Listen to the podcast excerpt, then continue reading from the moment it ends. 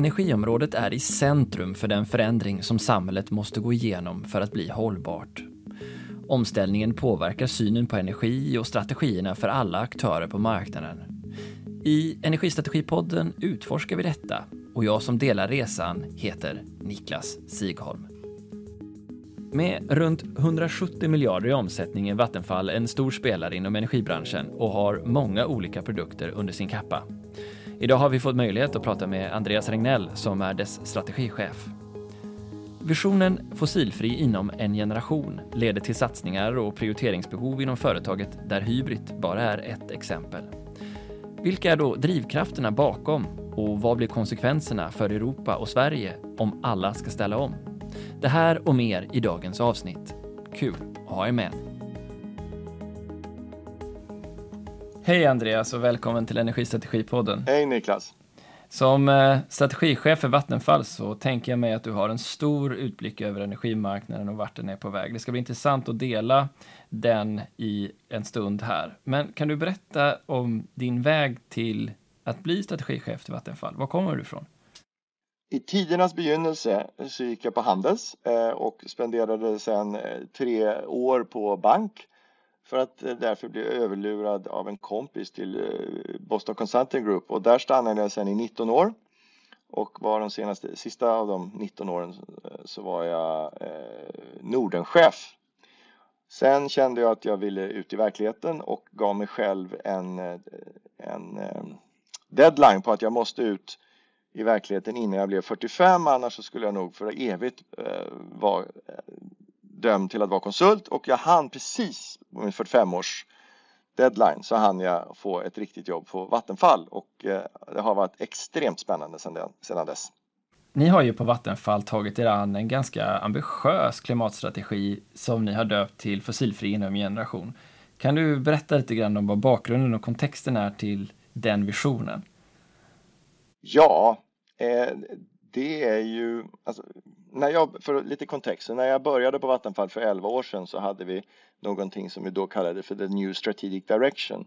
Och en viktig komponent i den var att vi sa att vi nu skulle, från och med då så skulle vi inte investera i ny kol eh, utan CCS. Eh, och det kan ju idag verka som ett väldigt uppenbart beslut och eh, men för 11 år sedan, och det är trots allt bara 11 år sedan, så var det ett väldigt, väldigt, väldigt stort beslut. Eh, så, att, och, och, och, så då började ju så att säga riktningen sättas. Eh, sen så hade vi ju fortsatte vi att äga eh, både då, vi hade brunkol i, i östra Tyskland som är en superviktig del av det energisystemet och det är det ju fortfarande som vi vet. Eh, även om vi inte längre står som ägare till det. Samtidigt som vi hade en verksamhet i Norden som eh, ju redan då var eh, i stort sett fossilfri och det där skapade ju någonting som jag ibland kallar för intellektuell spagat. Att, att vi hade två vitt skilda verkligheter att förhålla sig till båda väldigt viktiga för sina respektive energisystem. Men det fanns ju, det nordiska arvet gjorde att vi hade ju en, en, en, en förstås en vilja och en tanke att vi ville gå åt vad ska jag säga, klimathållet.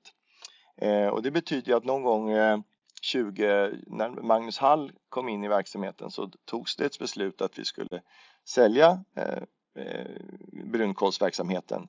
Eh, och det var väl då vi från första hade verkligen en möjlighet och en plattform att verkligen ta steget. Eh, men det var först ytterligare efter något år som vi, det blev tydligt att vi behövde ty, att det blev, vi blev tydligare i vad vi ville. Alltså det räckte inte med att vi hade en viss strategi, en viss mängd, en viss verksamhet. Och det var en lång process som pågick med, med koncernledningen involverad som till slut ledde till det här Enable Fossil Free Living Within One Generation. Eh, och, och, det var verkligen en startpunkt till ett, att det, det var någonting. Då plötsligt så var det lätt att förstå vad vi ville, både internt och externt. Och det har haft ett enormt värde internt också för att eh, allt blev ju plötsligt tydligt vad man skulle göra. Mm. Men då hade ni, när ni fattade det här beslutet om att inte investera i ny, även då hade ni Morburg som var en stor anläggning under byggnation. Så det, det pågick fortfarande jobb då. Och hur var det mentalt att hantera det? Ja, alla de eh, Alltså under den här perioden så har ju de här å ena sidan och å andra sidan frågorna varit väldigt centrala. Att man har, man har haft, man har velat gå i en riktning samtidigt som man har haft verksamhet som då så att säga inte stämmer överens med den riktningen.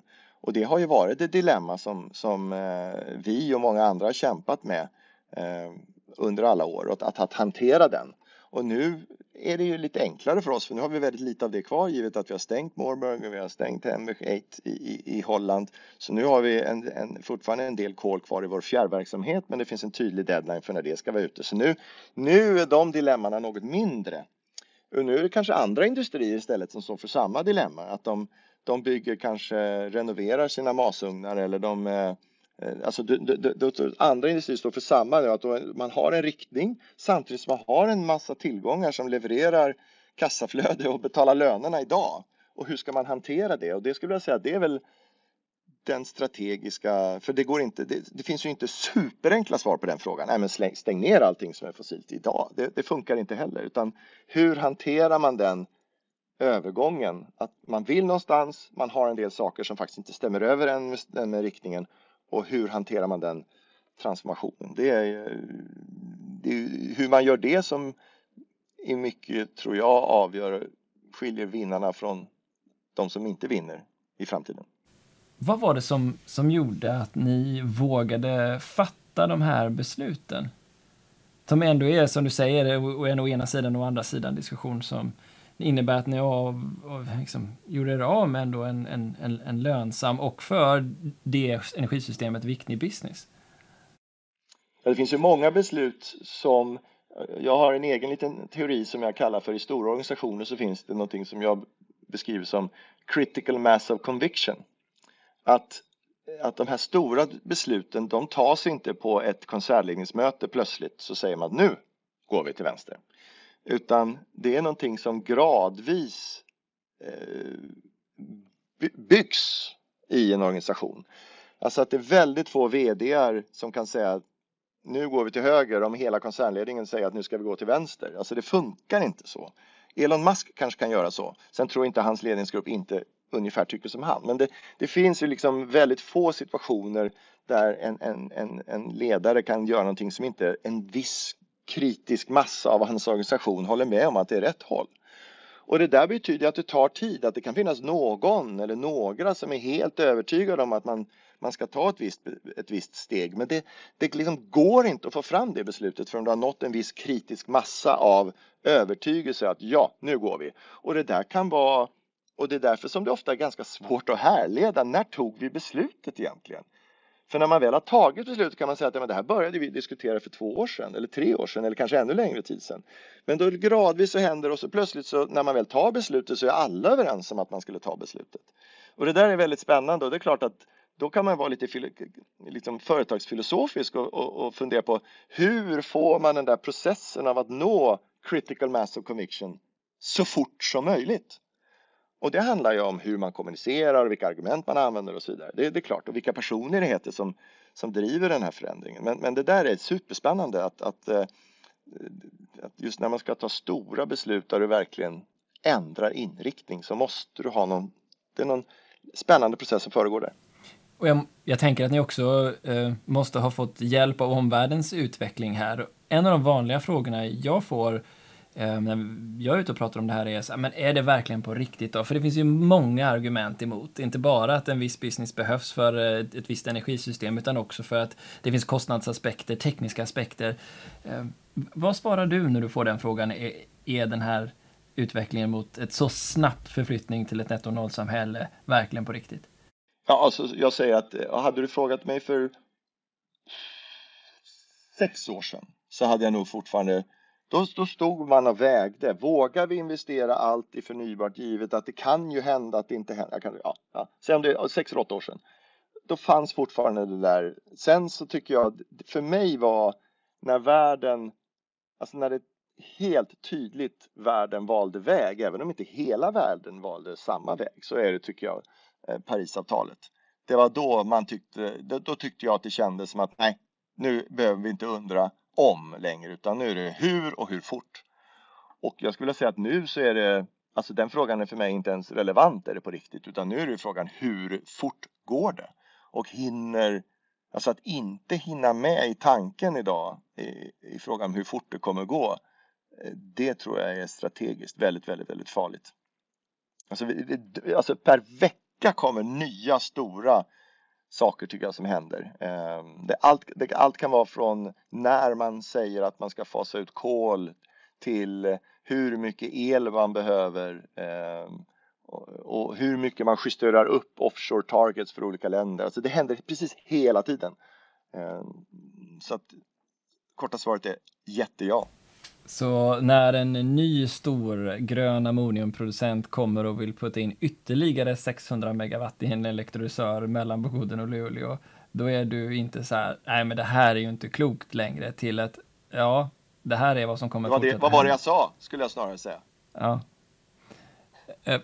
Ja, men, men om du ser på det regulatoriska, hänger politiken med? Om du tittar på från Paris fram till the Green, Green Deal, kan du, kan du föra oss igenom hur du ser att, den här liksom har, att det här har manifesterats eller inte? Ja, återigen, tanke, ehm, koncept som jag gillar där när man går från forecasting till backcasting. Forecasting, du sitter fast i dagens realiteter och funderar på vad som är möjligt. Backcasting, så sitter du i vad du måste vara i en viss tidpunkt och funderar vad som måste göras. Och vad som måste göras skiljer sig i sådana här sammanhang ganska mycket från vad du tror är möjligt. Och det är den här krocken då som, som, som vi, jag skulle säga att befinner oss just nu i den, i den krocken. Att, att, att mer och mer företag, mer och mer organisationer, mer och mer policies hoppar över från forecasting, vad som är möjligt, till vad som måste göras. Eh, och, och jag tycker Parisavtalet var början av en, en väldigt ambitiös forecasting-era kan man säga. Och sen så när man börjar översätta i vad måste göras då så skulle då, nu många år senare, så Fit for 55 är ju ett sånt här att oj då, alltså 2030 måste vi faktiskt göra någonting. Och då börjar man gå över till, till, till backcasting. Um, och och um, det är där vi, vi väldigt solitt är nu. Och sen så om du frågar politiker eller frågar, jag tror egentligen de flesta stakeholders, så tror jag alla har fattat, tror jag, eller känner eller eh, har den, den, den, eh, den mindseten att nu, nu måste vi göra det här och det är den här extrema accelerationen vi måste få till. Det som jag tror kanske nu, om det är något som den kritiska, det är att våra våra processer, våra samhälleliga processer och även vår demokratiprocess hänger inte riktigt med. Därför att de är inte gjorda för den här typen av snabba förändringar. I en era där vi dessutom är lite noga med att det är inte staten som bestämmer och så gör vi bara så här utan man faktiskt har ett antal demokratiska processer. Alltså stakeholders måste vara med på förändringarna annars så funkar det inte. Eh, I alla fall i de västländer som vi liksom känner till och arbetar i. Och, och därför så är det att hur, hur får vi till det? Det finns ju ganska stora intressekonflikter i det här. Det ska byggas en väldig massa elledningar, det ska byggas en, en väldig massa vind, vindkraftverk som syns och som märks och som i viss mån kanske dessutom låter.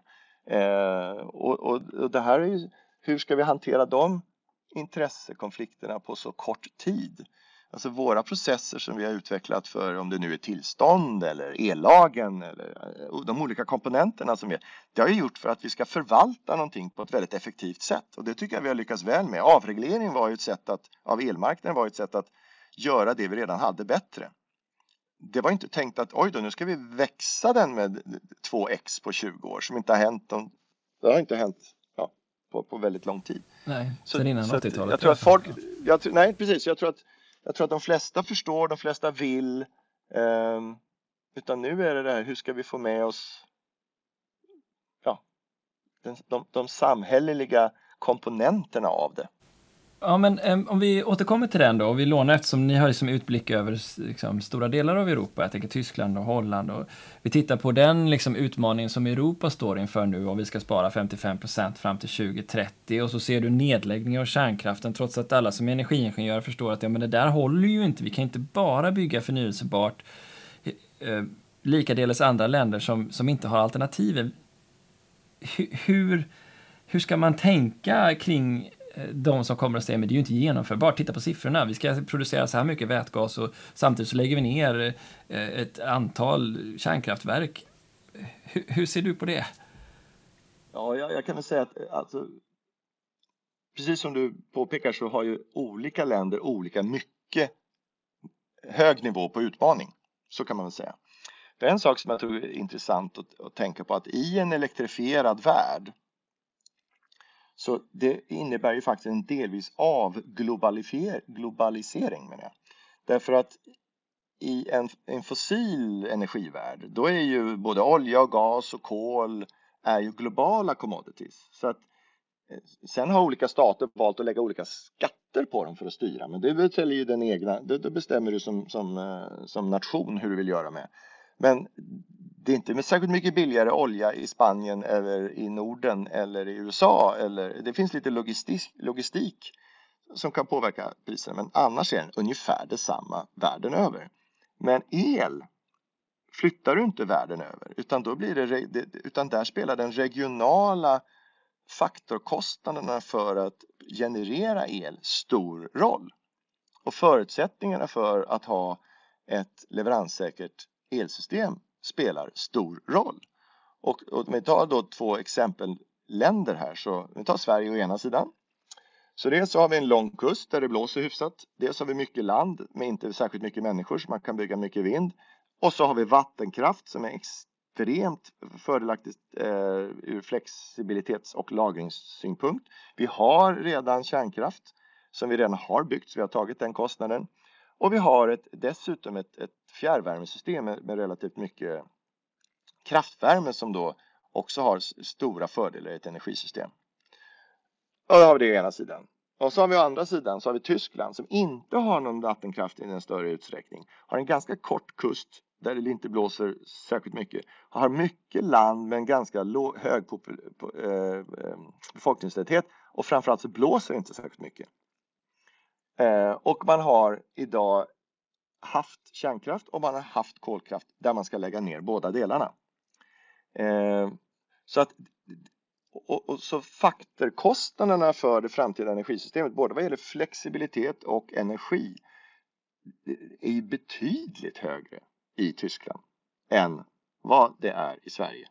Och det får ju en stor betydelse vad gäller den framtida konkurrenskraften. Och den där diskussionen tror jag börjar komma i Tyskland och jag tror kanske inte riktigt vi har insett vilken fördel vi har i Sverige. Ja, för konsekvenserna men, kommer väl synas på konkurrenskraften för respektive land då enligt ja, din logik? Absolut. Absolut, alltså, det, alltså tillgången till och, och, och underliggande kostnaden för att leverera ett leveranssäkert elsystem kommer skilja sig mycket mellan länder eller mellan geografier ska man säga, för det är geografin i det här. Det är inte landsgränserna som är det viktiga. Det har viss effekt för det landsgränser definierar vad du har för politiskt system och kanske reglering. Men det, det, det är geografin och nästan topografin som, som spelar roll. Att har du, har du höga berg så kan du få vattenkraft och, och, och blåser du så kan du få vindkraft. Och det är inte så att man kan offsätta detta till stora, stora, stora solkraftsanläggningar i Marocko med en eh, jättestor HVDC-kabel eh, mellan eh, Afrika till Europa? Kan kan man väl, men, men jag tror att det blir dyrt och, och vi är idag ganska, och sen så är det väl dessutom så att när Marocko inser värdet på den där solkraften och el, rena elen så kommer de väl hellre se industri i Marocko som producerar eh, energiintensiva produkter och tjänster som de sen kan exportera till Europa snarare än skicka elen till Europa. Eh, utan, utan jag tror att det där, alltså man, kommer, man måste förstå att elektrifiering är en avglobalisering i viss mån av energifrågan. Eh, och, och att, mm, mycket tror jag som kommer hända på den fronten. Holland är ju ett annat sånt land som ni är inne i och där har ju också efter diskussion eh, som jag haft även med, med eh, er på Vattenfall ju frågan om det här med bio dykt upp. Eh, och de har ju samma lika läge där eh, väl också. Hur ser det ut för, för ett sånt land? Ja, Holland har ju eh, relativt sett väl kanske något bättre förutsättningar för offshore wind per någonting. Men, men det är klart att Holland har en liknande situation som Tyskland. Det är inte mycket vattenkraft i Holland. Det finns inte mycket höjdskillnader där. Och, en, de har ju väl inte längre någon kärnkraft. Men där pågår ju, det är väl där som man kanske kan fundera på att ett sätt att jämna ut oddsen lite grann skulle ju kunna vara att trots allt eh, är ju kärnkraft. Eh, om, och ett stort om, man hittar ett, ett sätt att göra den billigare än vad den är idag. Och då tror jag att vi, vi har ju gjort en liten investering för att lära oss om små modulära, små modulära reaktorer och jag tror att det, det skulle kunna, att om man får en, eh, en teknologi som man kan licensiera om inte globalt så i alla fall eh, eh, europeiskt. Ungefär som idag att man har en licens för en viss flygplanstyp och sen är den godkänd över hela världen.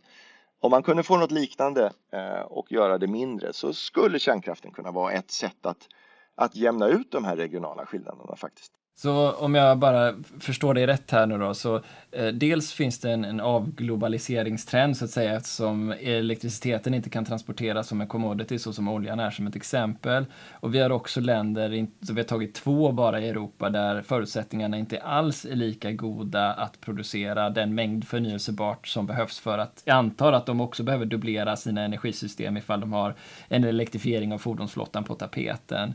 Eh, vad innebär allt det här för Sverige? Sveriges position i Europa då, som du ser det? Ja, det är klart att, att man ser ju redan idag att vi har en disproportionell andel av många av de mest progressiva projekten inom klimatindustri. Vi har Northvolt, vi är på väg med en Northvolt 2 som, tillsammans med Volvo i Peter Karlsson och Company. Vi har H2 Green Steel och vi har Hybrid. Det är ju egentligen ganska anmärkningsvärt att vi har två sådana projekt. Eh, den ena, liksom, de är väl initierade, den ena är väl mer initierad av den andra men likväl. Eh, och du talade själv om, om grön ammoniak. Eh, så det, jag, jag, ser en oerhört positiv utveckling framför oss. Och den läser vi om i dagligen i tidningarna så nu är det ju det stora problemet, alltså förutom de samhälleliga processerna som vi talade om tidigare. Eh, hur, hur, får vi till tillstånd och hur får vi så att säga känslan av att alla ska med så att det inte här blir någon, någon, någon eh, vinnare och förlorare. Så tror jag det andra är att, vi, att hinna med i kompetensutbyggnaden, upp, kompetensuppbyggnaden. Det tror jag, om jag skulle lista två saker så, så är det de två sakerna som idag är, alltså vi är där mentalt, vi vill, teknologin finns, ja, det finns väldigt mycket goda förutsättningar men, men samhällsprocesserna och kompetensuppbyggnaden, det är det som kommer bestämma hur fort vi kan gå framåt. Men vilket perspektiv ska vi lägga på det här då när vi tittar i Sverige? Det är ju alltid sådär med systemgränser. Är det rimligt och önskvärt som du ser det att Sverige på något sätt, om vi nu skulle få stora ammoniakproducenter eller e-bränslen som dök upp i Örnsköldsvik här där man ska använda eh, eh vätgas för att producera eh, bränslen till fartygsflottan som står för vadå 10 procent någonstans runt det globala utsläppet. Det försätter ju Sverige i en helt ny typ av position globalt. Ja, jag tror att eh, svaret är ja på den frågan. Alltså att, att, att de regionala förutsättningarna för fossilfri elproduktion är extremt gynnsamma. Och det kommer global industri se och förstå. Så om vi nu ser att det finns, säg exportnettot från SE2, 48 terawattimmar fossilfri el i SE2, då kommer vi att se en hel del aktörer som försöker etablera sig där med tanke på förutsättningarna. Det är det du säger? Ja, redan, alltså de, vi, vi kommer inte se, vi ser. Eh, kapitalet då, finns det några begränsningar? Eller är det bara det finns hur mycket pengar som helst för de här investeringarna? Eller hur ser det ut? Det finns väl egentligen hur mycket pengar som helst faktiskt. Eller i alla fall för den här typen av investeringar ehm, så är inte kapitalet begränsat. Om du kan hitta en avkastning eh, och kan visa att du har en avkastning som är rimlig, då är inte kapital en begränsning. Finns det då risk nu spekulerar jag här, så du, men finns det då risk att även de här långtidsprognoserna som vi sitter på nu som visar på att ja, men någonstans runt 2040, då riskerar vi att få så att säga eh, få SE1 att bli en nettoimportör av el och SE2 ska fortfarande i de flesta casen ändå exportera någonstans mellan 22 och 40 terawattimmar till omkringliggande regioner, företrädesvis SE3 om det här stämmer, riskerar inte det också föranleda mycket snabbare förändring av att de här överskottsområdena börjar knipa tidigare än så? Det tror jag är helt riktig analys. Det kommer gå fortare än vad vi kan tänka oss, men det kommer ju också sätta igång eh, alltså få dynamiska effekter i hur mycket som kommer som man kommer ans som olika aktörer kommer se som lönsamt att bygga då kanske framförallt vindkraft. Eh, men det är klart, ska vi bygga väldigt mycket mer vindkraft då kommer vi in i samhällsprocesserna och tillståndsprocesserna. Att, att, eh, så det är därför som vi är en stark förespråkare för att det krävs någon typ av eh, plan. Och, och, och, vissa gillar inte när man säger plan, för det låter som det är planekonomi. Men här behövs det lite tänk och planering för den här typen av kraftig förändring under kort tid går inte att få till om man inte tänkt efter lite före. Nej, men precis, planen och ganska vi... rejält tänkte efter, ja, tänkte efter rejält före. Ja. Ja, jag tänker att när vi avreglerade här 96 och eh, energimarknaden, då hade vi ju ett rätt eh, stabilt läge, men det är ju fler än från olika håll nu som talar kring de här liksom, planerna. Kan du dyka ner lite grann i detalj där vad du, vad du tänker? Vad är, var, varför ser det ut så? För du är väl ingen planekonom i grunden om du har läst på Handel så tänker jag, men vad är det marknaden inte löser? Det går för fort eh, och att ja, det finns ju någonting vi kallar för detaljplaner eh, om vi bor i ett villaområde eller vi bor någonstans. Och det, det är ju, då har, hur det går till att få fram dem, det är att man sätter sig, alla, alla intressenter sätter sig och så funderar på vad, om vi tittar på det här gemensamt, hur vill vi då ha det? Vi vill ha lite industriområde, vi vill ha lite tättbebyggt, vi vill ha lite villaområden. Och så säger man, ja men det här, vi tar, man försöker ta hänsyn till alla, alla, så många aspekter som möjligt. Och säger man, ja men så här vill vi ha vår kommun eller vårt, eh, vårt område. Ehm, och sen så släpper man ju loss marknadsekonomin för att leverera på det här. Ehm, och det, det, det är väl den tanken att eh, försvaret, länsstyrelserna, industrin, regeringen, eh, berörda myndigheter skulle säga att okej, okay, men nu är det så här att vi ska fram 300 vi liksom kallar det för en planeringsförutsättning. Vi ska fram 300 terawattimmar. Eh, och vi vet att eh, vet du, infrastrukturförutsättningar är viktiga. Så det, liksom, det är bättre att lägga den här, det är bra förmodligen att ha det i närheten av hamnar och järnvägsknutpunkter. Då är det lättare att lägga industri där än att lägga det där det inte finns. Så låt oss se vad vi har hamnar, vad vi har infrastrukturknutpunkter, vad vi har för existerande infrastruktur och så behöver vi 300 terawatt och så pratar vi med industrin. Vad, vad har de för, för förutsättningar? Och så säger man med försvaret att alltså, det är inte om vi ska ha mycket mer ledningar utan givet att vi ska ha mycket mer ledningar. Vad vill ni då i så fall ha dem? Och så stämmer man av det mot Länsstyrelsen och miljödomstol. Alltså, you name it, de olika intressenterna. Och då tror jag att man skulle kunna få en, en, en eh, inte en detaljerad plan, men, men konceptet detaljplan. Eh, att man säger att här uppe tror vi på industriverksamhet. Här vill vi freda av, för liksom vi skapar sammanhängande stora områden där som vi inte rör. Likadant kanske för försvaret. Alltså, och då, den planen som, som, som gör det rimligt att, och det skulle i så fall innebära att om man nu söker tillstånd för att bygga en vindkraftpark inom de områden som har aviserats som lämpliga för vindkraft så ska ju, så ska ju det vara mer att alltså, lite förenklat så ska det vara så att om du bara uppfyller de här, precis som idag vi skickar in bygglov, om du uppfyller kriterierna för detaljplanen, då får du ju bygglov. Och, och då skulle det kunna bli någon, någon liknande process. Och då klart att ta fram den här planen, det får vi ju spendera mycket tid på tillsammans. Och, och, eh, och, och, och, och se till att, att den känns välprocessad och då får man till exempel också bestämma sig för om de, de områden då som får mycket ledningar eller mycket vindparker, vad får de för typ av kompensation för det? Alltså, man måste tänka färdigt. Sen kan det gå mycket, kan det gå undan. Sen kan det gå undan. Ja, men den frågan är ju viktig då. Vi tar det så här, hur får vi med oss, hur, hur får vi med oss, eller vilka som nu behöver vara med? Det är väl en värderingsfråga ja. för sig då, men men det här med då att eh, jag bor kanske någonstans i ett eh, avbefolkat område, helt plötsligt så ska jag se på vindkraftsnurror som både blinkar eh, i, i rött eller vitt och som dessutom är ganska höga och kan uppleva ett dovt muller från dem. Hur, hur löser vi det eh, visavi storstadsbon som tycker det är nice med att kunna hyra en elbil men som egentligen inte får några konsekvenser av den här transformationen vi är inne i? Nej, det är ju dialog eh, och, och eh, jag tror vi, vi då storstadsbor med Teslan får väl kanske fundera på om man kanske får kommer ekonomiskt krävas för att, för att storstadsbon med Teslan ska få kunna ladda sin bil med och köpa sitt fossilfria stål i den Teslan. Så måste den få, hen då vara beredd på att det, det, får en ekonomisk konsekvens på något sätt. Om det innebär att han, hen betalar genom eh, priset på stål eller betalar en skatt eller alltså det är, det är to be figured out. Men, men eh, det är att, att, att man förstår att det finns, det, det, det finns liksom ingen fri lunch i det här.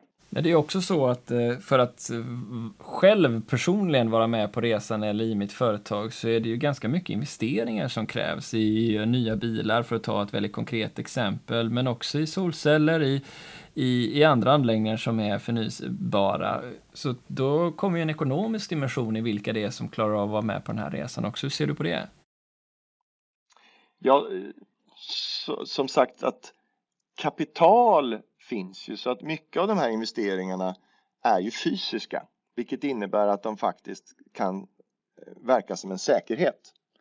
Eh, vilket gör att jag tror att kapitalanskaffning är inte ett stort problem. Det är klart att om du, alltså det är mer på individnivå om du har en villa och så kostar det väldigt mycket att köpa solcellerna och dessutom så ska du ha eh, något styrsystem och sådär. Men, men jag tror att så, så det är klart att på individuell nivå kan det kapital vara en begränsning. Men, men ur ett systemperspektiv, om det är liksom större aktörer som investerar, så, så givet att man att det alltid finns en säkerhet faktiskt, att, eller oftast finns en säkerhet eh, bakom det här, så, så, så, så jag är inte särskilt orolig för kapitalanskaffningen.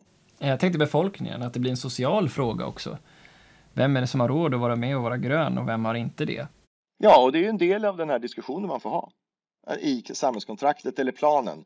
Att, att uh, hur ska vi fördela de här bördorna?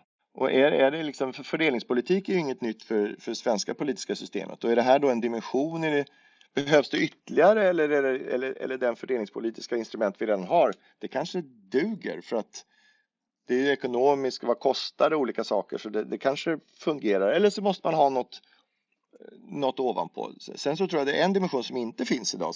Det är just en ekonomisk ersättning för dem eller någon typ av kompensation i alla fall för den då som, som får de blinkande vindsnurrorna utanför fönstret och de som, jämfört med de som inte får det. Så om jag förstår det rätt så är den här planen, den skulle behöva innehålla både en, någonting om vilka energislag vi behöver, ungefär var de behöver finns och en social fördelningsmässig tanke om hur vi kompenserar region och individer för att samhället ska på något sätt acceptera det här, eh, den här förändringen. För är det, är det alla de här, ja, det, det, är verkligen ja, det en planekonomiskt och det blir Kina, jag tänker på Kina. ja, nej, men det, det, det, är klart att det här är en så stor förändring så att, eh, att jag, jag, jag tycker det är på näs, nästan uppenbart att vi måste sätta oss ner och planera ihop för att få till det här. Jag tycker inte, jag tycker inte man måste eh, komma med någon skräm att oj, då blir vi Kina eller planekonomi, utan för mig är det nästan hur skulle det annars gå till än om vi tänkte till tillsammans?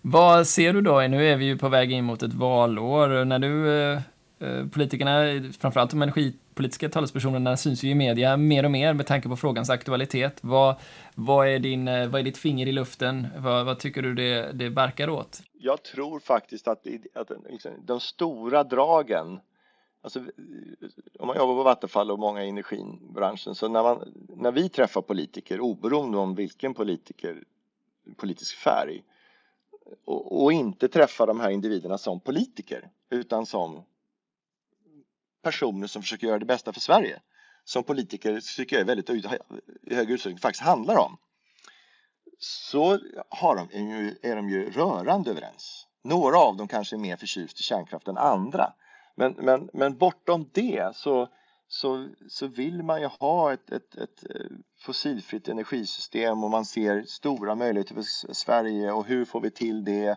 Och det är nog ingen som säger nej, låt tillståndsprocesserna gå långsammare. Eh, sen när man ställer upp dem på, och, de är politiker så, så, så, så säger de väl lite mer, och verkar de som de är mer oense.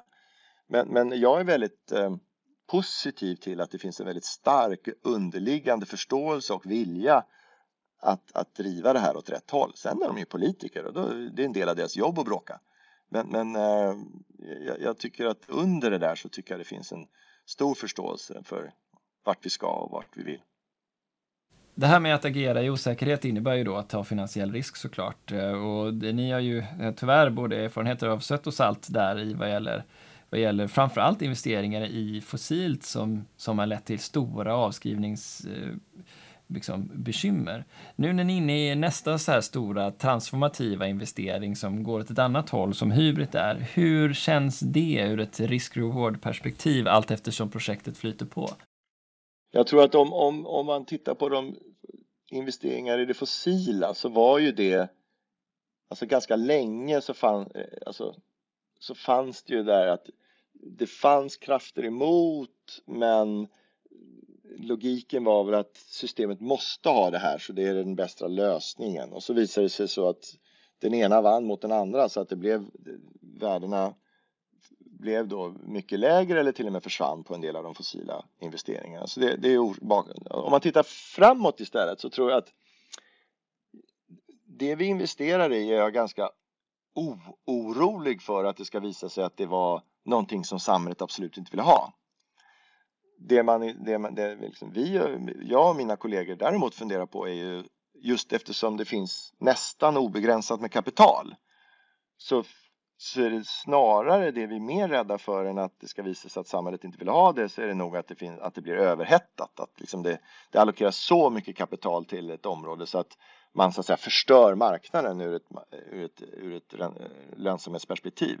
Så där försöker vi ju liksom navigera och se att vi, vi agerar där vi är övertygade om att vi har en att, ett, att marknaden är även om den är i stark tillväxt är sund och att vi i den sunda marknaden har en, en konkurrensfördel.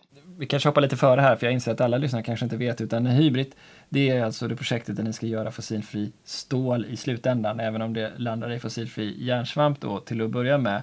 Men vad har hänt med den marknadsutblicken sedan ni drog igång projektet? Har ni sett en förflyttning av efterfrågansbehovet också?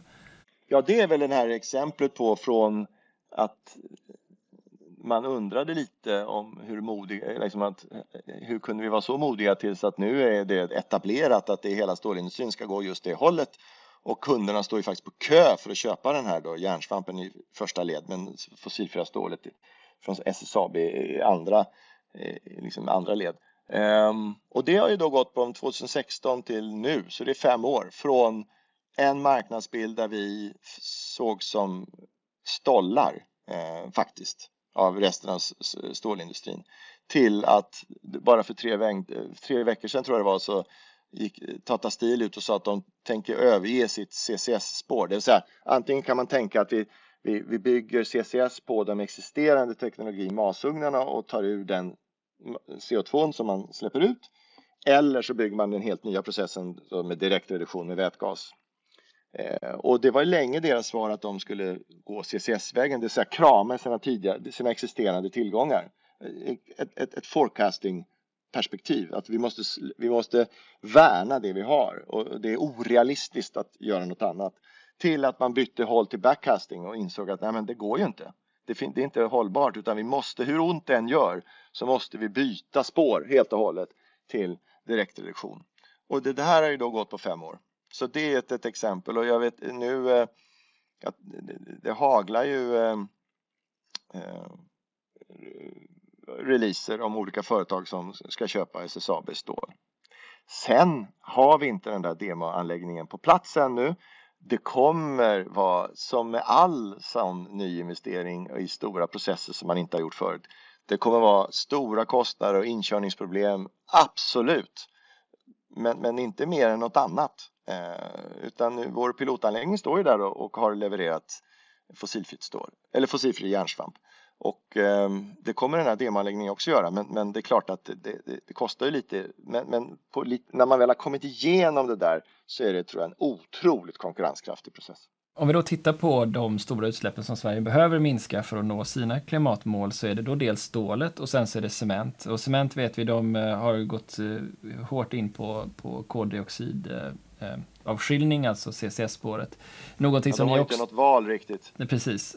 Något som ni också har ju gjort inom ramen för er kraftvärmeverksamhet. Hur viktigt ser du att CCS-spåret blir för, för Sverige? jag tror det finns två roller för CCS. Eh, alltså hållbara roller för CCS. Det ena är ju då i den mån man inte hittar alternativ till kalksten för cement och cement är viktigt för världen. Då är det, för där, där du får ut CO2 i den processen hur du än bär åt. Så, så det, det är, alltså du har inget val, så det, det, är ett område. Det andra är väl för att skapa negativa utsläpp just, just från bio, bio, eh, bioutsläpp. Och eh, det kanske man inte alltid vet, men vi har ungefär lika mycket bio CO2-utsläpp som vi har fossila CO2-utsläpp i, i Sverige. Så vi har ungefär 50 miljoner ton eh, bioutsläpp, biobaserade CO2-utsläpp. Eh, och där tror jag helt enkelt att ibland kan det vara billigare, bättre. Ja, förutom att vi på lång sikt kanske dessutom måste gå mot minus och inte nettor. Net zero kanske inte räcker, utan, eller vi är väl ganska övertygade om att net zero inte räcker utan så småningom måste vi gå till negativ. Men även på den resan dit så kan det ju vara billigare och bättre att ta utsläppen ur bio, biogena utsläpp snarare än ur fossila utsläpp. För det spelar ju egentligen ingen roll, CO2-molekyl som CO2-molekyl. Så att, så att under processen så, det, så, så, kan det finnas en... Eh, så att jag tror på bio-CCS bio och jag tror på alltså ett sånt CCS som krävs för att det finns inget alternativ, som i cement. Och sen så har vi transporterna då. Eh, och där ska ju en, ja, hela fordonsflottan ställas om och där har vi vätgas som en spelare och vi har elektrifiering som en spelare. Hur ser du på den marknadens eh, omvälvning? Vad tror du kommer att ske? Ja, där är väl jag, eh, alltså fysisk fundamenta så, så det är otroligt mycket mer effektivt att gå på direkt elektrifiering än att först göra vätgas och sen använda vätgasen antingen som, som bränsle eller som eh, i en, en eh, vet du det, fuel cell i andra ändan. Du förlorar, du får max ja, 35-40 procent eh, om du går via vätgas. Sen, precis som i CCS-frågan, finns det säkert applikationer där, där elektrifier direkt elektrifiering inte är rimlig eller lämplig. Vad det kan det vara trans transporter i, i, i um, tunga transporter med relativt låg frekvens Kanske till exempel, för att där är det då väldigt dyrt att bygga ut elinfrastrukturen medan det är lättare förmodligen att, att frakta vätgas. Um, det kan vara aviation, då är det inte vät ren vätgas men då blir det electric, um, electrofuels, eh, tror jag också kommer vara en sån, sånt område. Man talar ju om elektriskt flyg, jag tror att det är framförallt på lite kortare distanser. Ehm, så, så, att jag tror helt klart eh, direkt elektrifiering genom elvägar är fortfarande för tunga transporter ett, ett, ett ganska billigt alternativ eh, jämfört med mycket annat. Eh, och eller bara batterier. Det tror jag det kommer bli klart dominerande teknologin. Eh, medan det då finns nischer för, tror jag, eh, vätgasbaserad transport, eh, vätgasbaserade transportlösningar. Och sen då har vi hela det bränsleområdet då som vi har pratat om tidigare lite grann, men som är Power to X då. Eh, hur ser ni på det, alltså att man skulle använda el för att göra vätgas för att sen producera exempelvis eh, ammoniak eh, eller metanol? Hur ser du på det och vad tror du kraven kommer vara inom eh, exempelvis shipping i framtiden? Ja, det är, väl, det är väl några områden som det är väldigt svårt att se framför sig annat än att man behöver eh, alltså vätskebränslen även i framtiden. Och, och eh, biobaserade bioråvara kommer bara räcka till en liten del eller en, en, en, en ja, icke obetydlig men, men trots allt definitivt inte en hela delen. Och då så länge man då behöver fortfarande bränslen så får man ju göra, då är man hem, då är det elektrobränslen som finns kvar. Um, och då det, kommer ju då vem har råd att för det kommer ju bli dyrt. Um, och då är det vilka har, vilka har råd att göra det? Ja, det är väl de som absolut inte har något alternativ och som fortfarande världen inte har något alternativ till att det finns. Och det är väl shipping och aviation är väl två sådana. Eh, så därför så tror jag att eh, electrofuels definitivt kommer finnas och det finns redan projekt som du själv nämnde kring det. Hur, hur tänker du då kring strategisk utveckling när det fortfarande kommer siffror vad gäller kostnadsutvecklingen för sol, vind och batterier exempelvis, men också elektrolysörer som ja, i, i Eh, vad heter den här eh, senaste analysen som kom från eh, Elforsk som heter Nordic Clean Energy Scenario så pekar man på att kostnaden för batterier förmodligen kommer sjunka med 80 procent de närmaste tio åren. Vind kommer nästan att halveras igen och sol kommer tappa ytterligare 72 procent, tror jag de sa av sin kostnadsmassa från 2020 till 2030. Det är ju så våldsamma förändringar i prissättningen av alternativen att det nästan är svårt att föreställa sig. Hur, finns det någon, hur gör du? När du, när du ser en sån otrolig utveckling av de här teknikerna? Ja, det vittnar ju om en, en, eh, en positiv utveckling och att det här problemet då blir allt annat lika mindre givet att, att det blir lättare, det blir, kräver mindre resurser för att, för att bygga det. Sen så får man komma ihåg att det där är ju eh, kanske halva problemet. Eh, för sen ska du ha ett leveranssäkert elsystem också. Och då är den andra delen av ekvationen, eh, alltså den som, flexibiliteten eller, eller lagringsförmågan eh, hos ett elsystem är ju, är ju också väldigt viktig. Ehm, för solen skiner, som vi tidigare sa, trots allt huvudsakligen på sommaren och väldigt, väldigt, väldigt, eller for all practical purpose inte alls på vintern. Och vårt energibehov är som störst på vintern. Ehm, så att det är en otroligt positiv utveckling. Det jag tror, speciellt solutvecklingen som runt, alltså mellan vändkretsarna, där de har ju då ett, ett där tror jag det kommer hända väldigt mycket och, och kunna skapa väldigt konkurrenskraftiga energisystem och eh, elenergisystem. Och givet eh, hur centralt det är då för el så tror jag att det, det, det, vi kommer se förflyttningar av produktion på ett sätt som vi kanske inte riktigt har tänkt oss eller förutsett. Ja, du menar att det finns inte en HVDC-kabel till Tyskland där industrin finns kvar, utan industrin flyttar från Tyskland till ställena runt eh, vändkretsarna, för där kommer det vara väldigt Jag tror att viss industri, en viss industri kommer på lång sikt definitivt koncentreras där man kan generera el kostnadseffektivt. Sen är HVDC-kablar är också spännande och det kan ta oss långt, men, men eh, jag tror inte det kommer vara hela svaret att vi bygger kablar. Men hur, hur, ska man tänka då om man är ett energibolag idag, vilket ju ni är också uppenbarligen, eh, när, man, när man ska försöka skydda sina assets, eller i alla fall ha en, en, en idé om att skydda sina assets så att det inte blir sunk cost. Hur, hur tycker du man ska tänka givet den här utvecklingen som du själv beskriver? Ja, det beror väl på vad man har för assets. För att, för att har man fossila assets så är det väl hur fort kan vi ställa om iväg från de fossila assets? För de de kommer stranda hårdare och hårdare ju, väntar, ju längre du väntar kan man säga. Eh, det är väl det ena. Och sen vad det gäller alltså det man investerar i, i då fossilfria tillgångar, då jag tror kanske inte de Alltså det, som jag nämnde förut, jag tror inte att, de, att det become stranded tror jag inte är den stora risken utan, utan det är att, att det är så hård konkurrens att räntabiliteten blir så pass låg så att du i sin tur inte tjänar tillräckligt mycket pengar för att kunna fortsätta investera.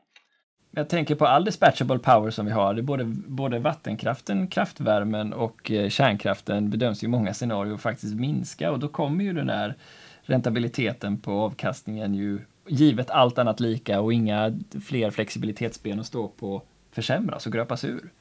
Tänker jag. Alltså vattenkraften är ju egentligen eh, relativt enkel. Alltså värdet på vattenkraften kommer ju gå upp eh, i och med att volatiliteten går upp. Så att den är ganska, den är så långt från stranden man kan komma i princip skulle jag vilja påstå. Eh, kärnkraften, eh, det är inte bra med väldigt varierande Eh, eh, utbud för kärnkraften. Men Alltså att givet så kraftig som vi tror efterfrågeökningen är och att den efterfrågeökningen huvudsakligen faktiskt är 24-7, 365, alltså North, en, en batterifabrik eller en stål, alltså vill gå. Så att den nya konsumtionen passar kärnkraft väldigt väl faktiskt. Så det betyder att, jag, att, att kärnkraften också ganska långt från stranden vill jag påstå.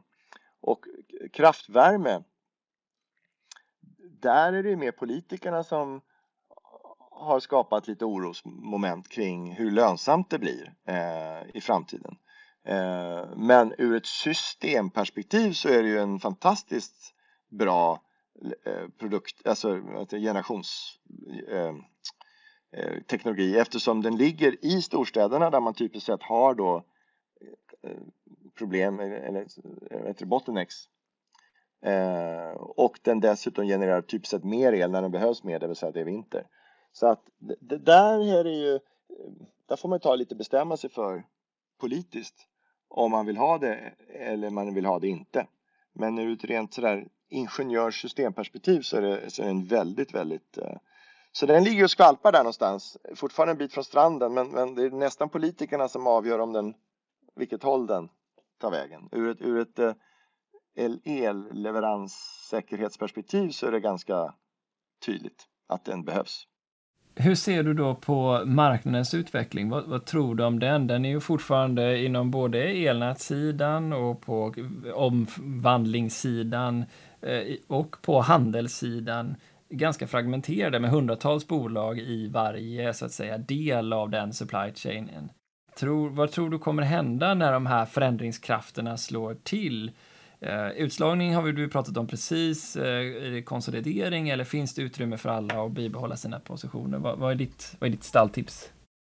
Ja, I stort sett så tror jag att det finns rum för ja, alla som vill vara med, så att säga, plats för alla.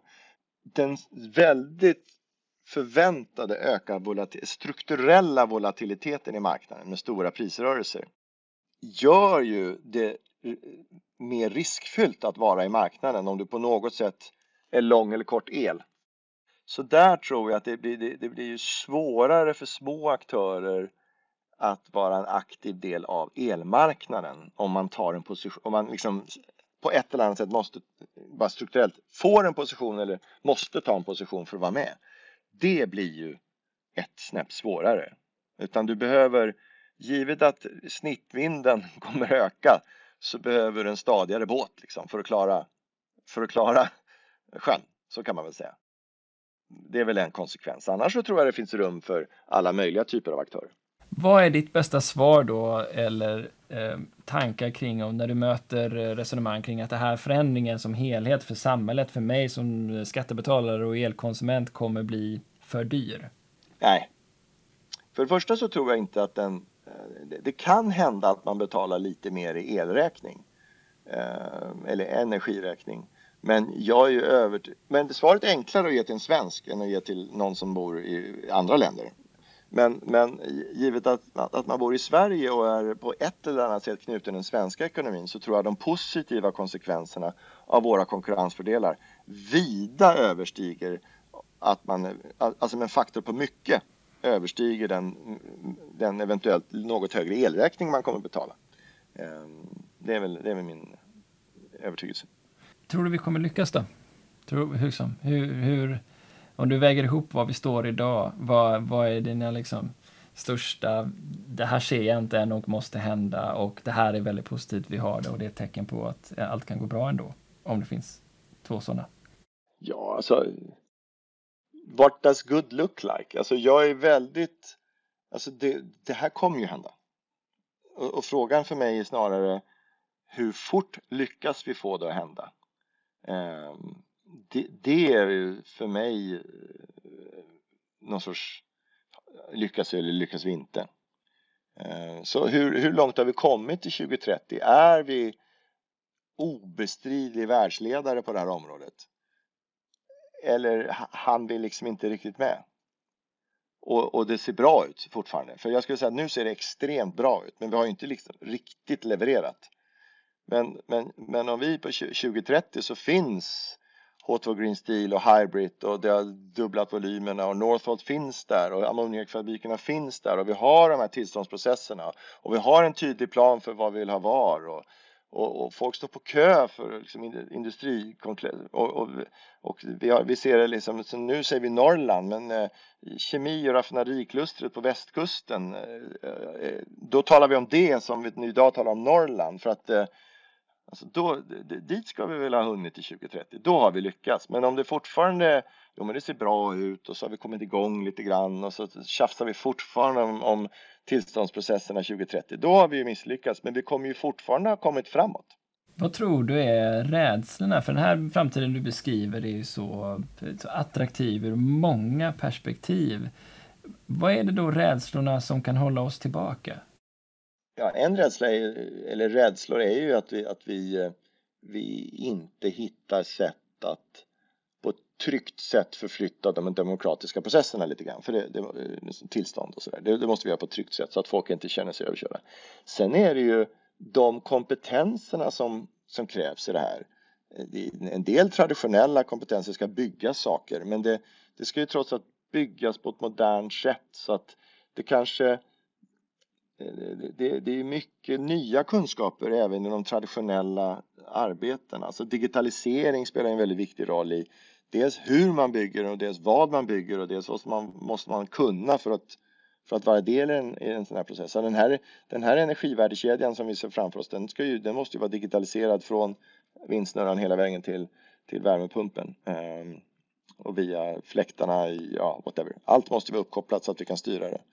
Och det är klart att det finns ju kanske en hel del personer som inte känner sig helt trygga i den kompetensen. Och därför är oroliga. För ja, det går ett tåg här, men får jag vara med? Ja, för jag tänkte det skulle nästan avsluta den här intervjun, men om du fick önska och drömma, vad, vad skulle vi behöva göra för att nå och få den tillgången till den typ av kompetens som branschen nu står inför? Ja, vi skulle ha en, eh, vad kan vi kalla det för, en, en eh, världens första välfärdsnations eh, akademi. Alltså vi borde ju, vi har ju ett mål som riksdagen har satt upp som, som jag tror för övrigt är en väldigt det är en konkurrensfördel i sig att vi har sagt det, för det skapar liksom en trovärdighet och en riktning. Men vi skulle liksom koppla ihop det och säga att då, då, då finns det så, eh, folkbildning, alltså någon sorts eh, universitet skulle vi, vi skulle kalla det för the Net Zero University. Eller, ja, jag vet inte. Att, att, eh, att tydliggöra vad det är för kompetenser och eh, ja, någon typ av utbildningsdrive där vi har det här målet som det alltså vårt net zero, eh, för världens första eh, välfärd, eh, för, eh, vad är det, klimatneutral välfärdsnation. Det skulle liksom om vi är där. ihop det med skolsystem. Ja, ja, världens första klimatneutrala välfärdsnation. Vad tror du att det skulle betyda för Sverige och Sveriges roll i världen? Tror du att du har den påverkan som vissa gör gällande? Och i så ja. fall hur? Jag vet inte vad vissa gör gällande, men, men, men jag tror att vi, eh, vi har eh, en väldigt angenäm framtid som går oss till mötes om vi fixar det här på ett bra sätt. Och dessutom så kommer vi ju, alltså en sak att, att det blir intressant och attraktivt och vi kan se en hög tillväxt i Sverige så dessutom så kommer vi faktiskt ha en impact på riktigt på global nivå. Tack så hemskt mycket för att du var med i Energistrategipodden Andreas. Tack så hemskt mycket att jag fick vara med. Nästa vecka går vi över till fastighetssektorn som 2018 stod för drygt 100 terawattimmar i sin energikonsumtion, vilket är ungefär en tredjedel av landets totala konsumtion. Av detta är fortfarande en tredjedel fossil energi. Faktum är att fastighetssektorn står för 21 procent av eh, landets växthusgasutsläpp Rickard Silverfur är chef för utveckling och hållbarhet på Fastighetsägarna och det samlar 15 000 fastighetsföretag. Hur ser det på sin roll i hållbarhetsutmaningen och hur tänker det kring använd energi? Jag hoppas vi hörs då.